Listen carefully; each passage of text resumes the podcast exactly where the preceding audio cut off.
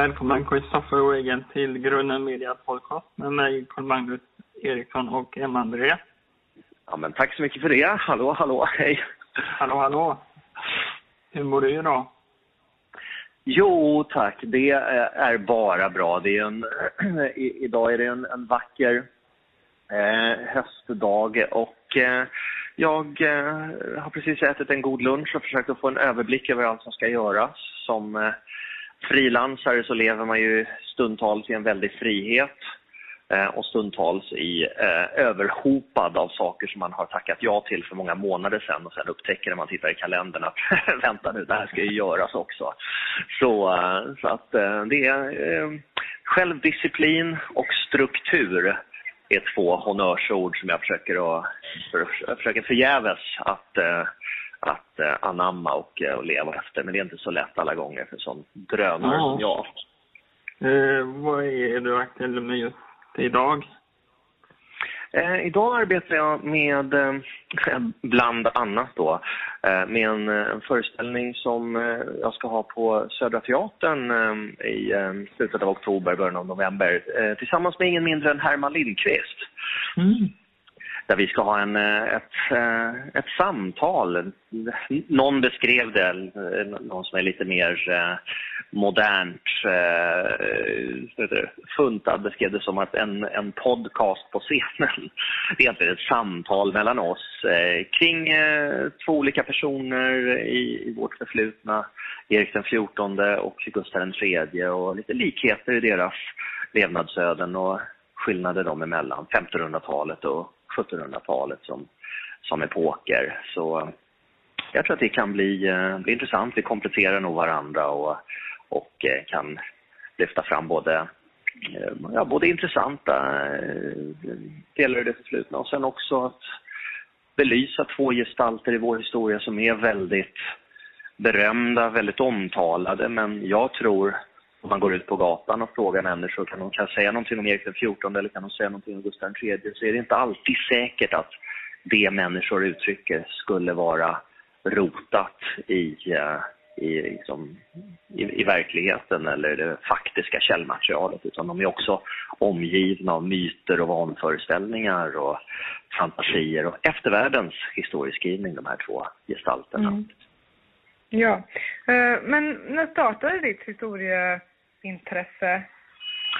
Ja, jag har nog varit intresserad av, av det här vidunderliga ämnet ända sedan minsta barnsben, alltså sen man kan få ett intresse. Jag, kan, jag minns ingen, jag har inga liksom minnen av livet innan mitt, mitt intresse för historia och det är väl Mm.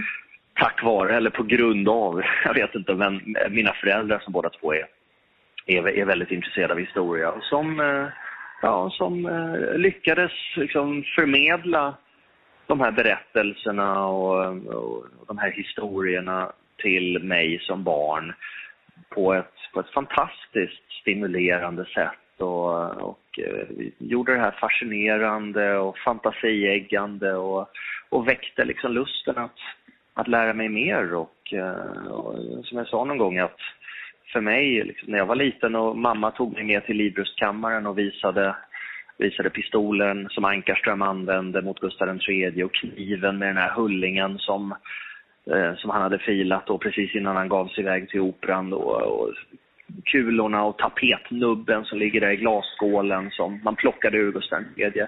Jag menar det, skulle jag gå hem sen och, och välja mellan, hmm, ska jag läsa Sagan om ringen om en, en flygande drake och en trollkarl med en magisk käpp?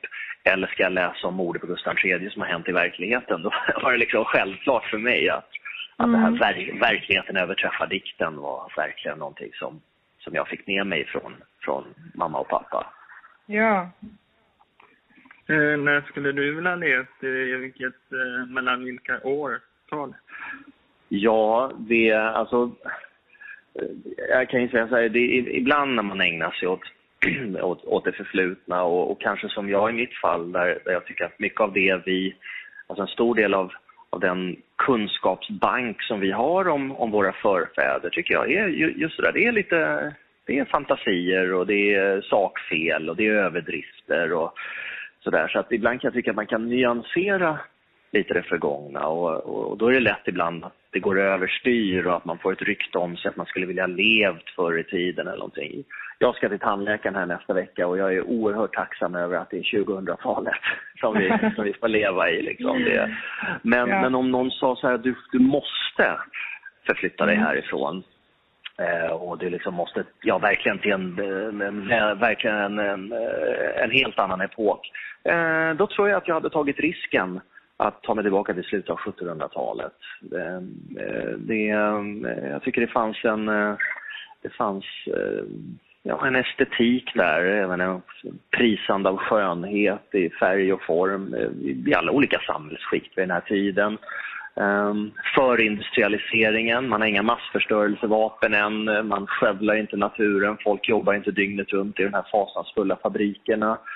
Uh, och Ehm, eh, ja, nej, så att jag, jag, jag tror eh, att, att det är en epok som... Och man, har, man är inte så långt tillbaka i tiden att man kommer in i det här otäcka 1600-talet med sin vidskeplighet och övertro där man bränner häxor på Södermalm. Så att mm. 1700-talet, det sena 1700-talet för mig är, är liksom en modern tid men som inte är så modern så den har blivit otäck.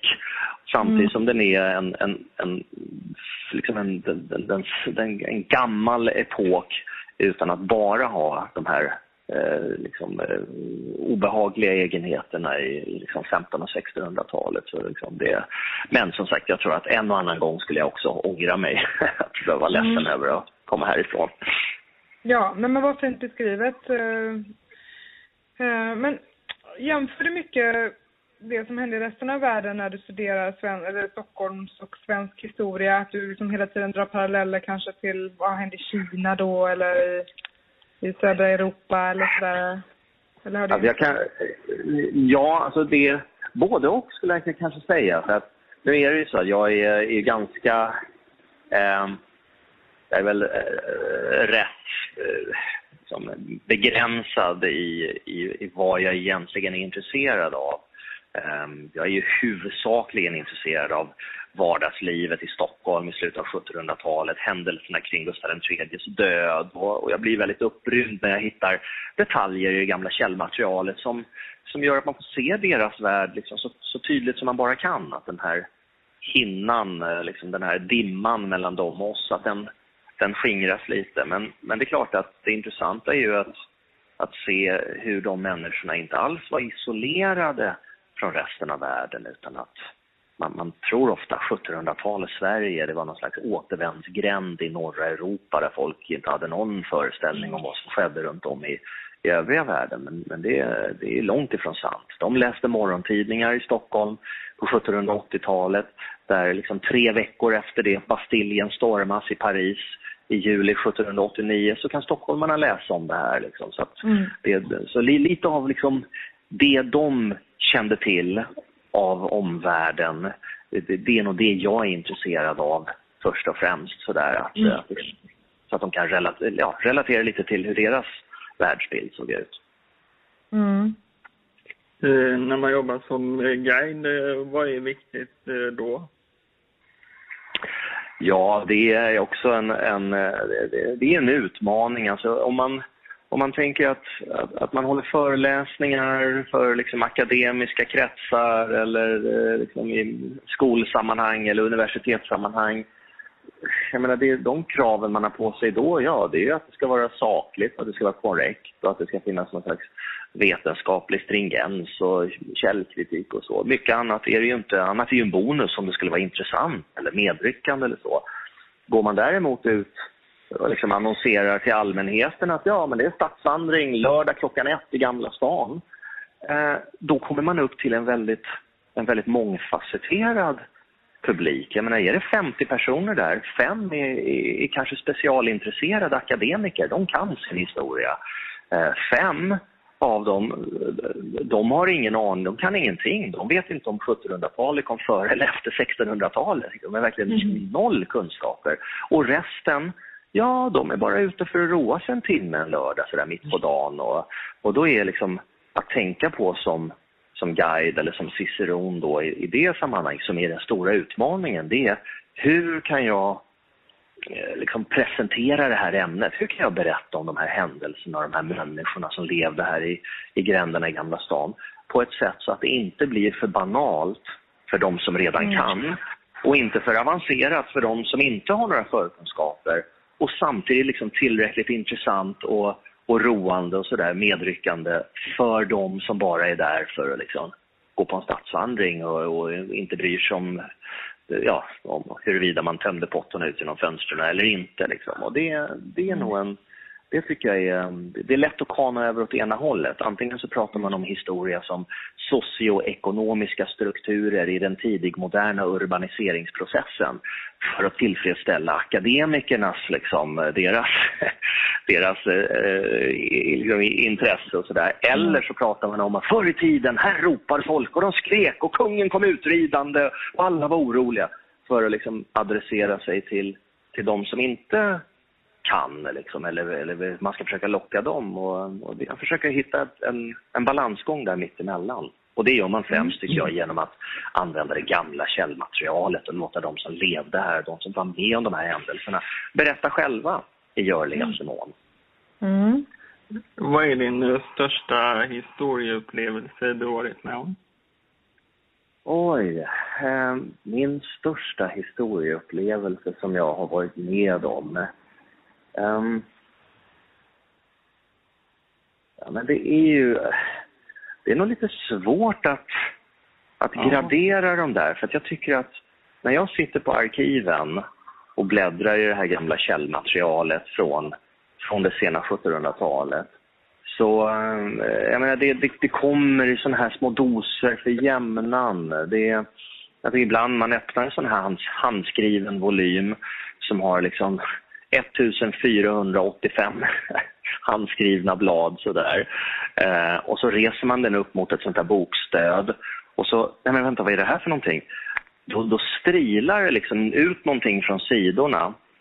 Då är det den sand som någon strödde på 1790-talet. Jag menar när man skrev vid den här tiden när man doppade pennan i bläck och du skriver över bladen, då är ju bläcket liksom blött. Då måste du sitta och vänta på att det ska torka innan du kan vända blad. Men då strödde man ju sand över det här, för sanden absorberar ju bläcket. Ah, ja. och, och, när sanden ligger kvar mellan de här sidorna, liksom, ingen har öppnat det här, just den här liksom, sidan sedan 1791, den 10 wow. september eller någonting. Och då när man sitter där, då, alltså för mig, det, det är för mig när man får den här känslan av intimitet och närhet och kontakt med, mm. med en förlorad värld. Det, det skulle jag säga, det är nog för mig en av de här, en av många liksom stora upplevelser som där man verkligen mm. känner någonting. Mm -hmm. Ja. Eh, vad har du för rutiner i din vardag? Nu sa du ju det här att det var kunde vara. Men har du, har du, har du någon rutin som... Ja, alltså det, det rutiner kring, kring det här, eh, med liksom min profession och så, det, ibland är det svårt för att eh, det, det är både en, en fördel, eh, liksom en, en välsignelse och samtidigt en förbannelse på något vis. Att mitt jobb är ju så väldigt, väldigt intimt besläktat med, med, med liksom mitt intresse, min passion, min vurm och sådär.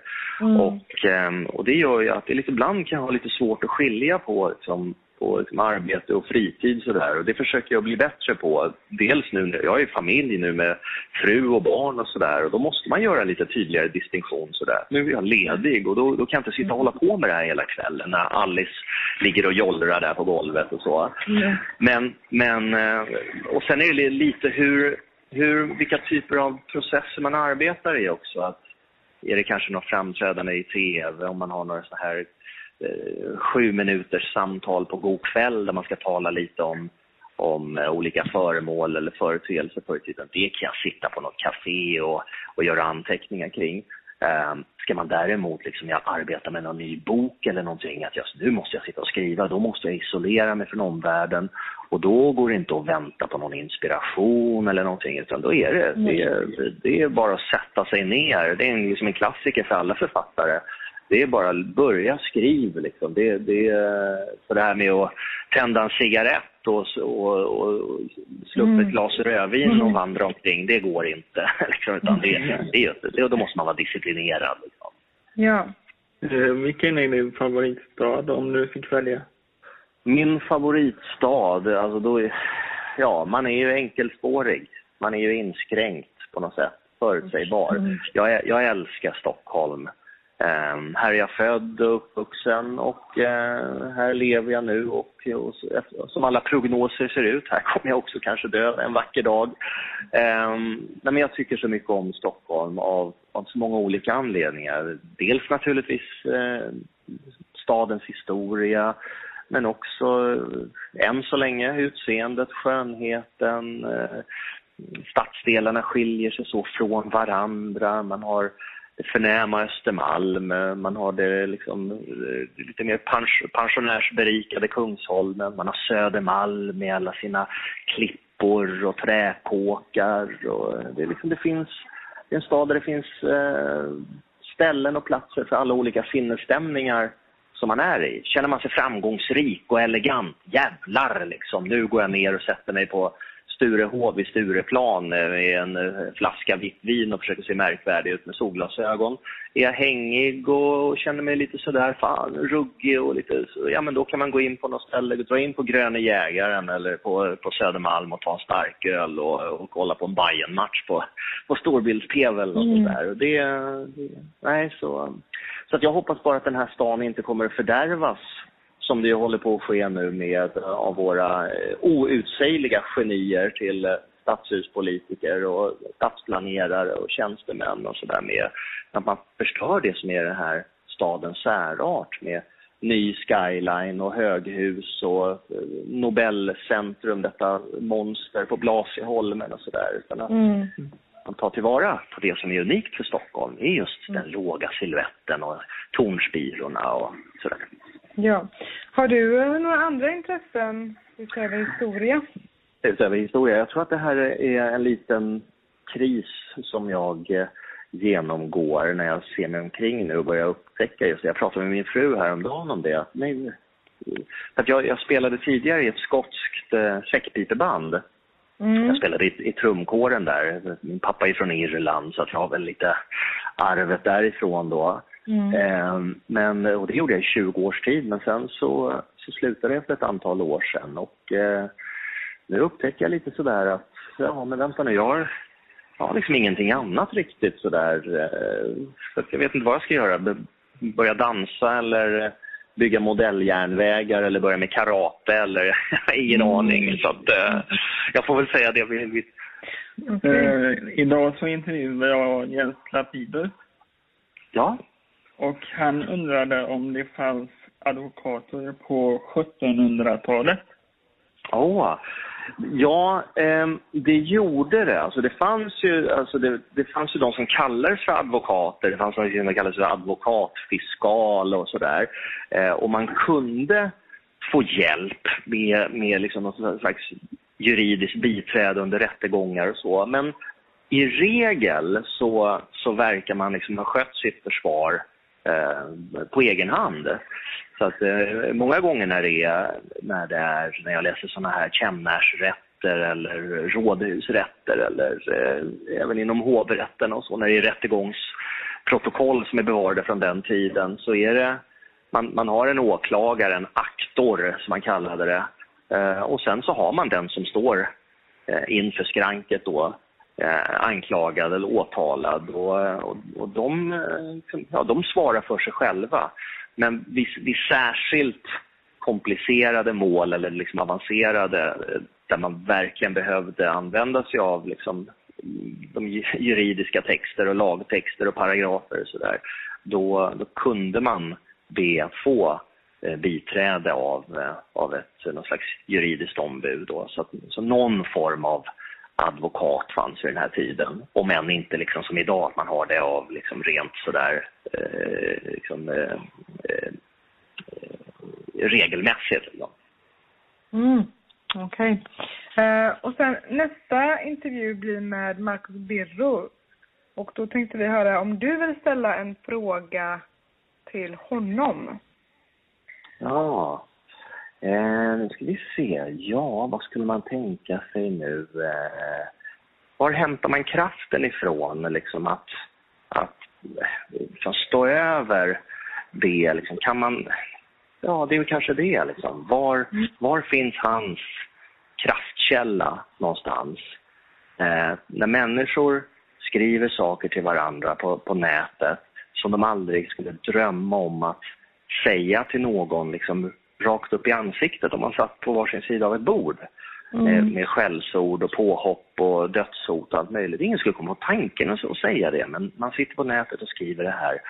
Var, mm. var någonstans hämtar han sin kraft för att liksom fälla ihop datorn, sträcka på sig liksom och sen gå in och, och till sin familj och titta på TV och, och orka upp nästa dag? Det skulle jag vilja veta.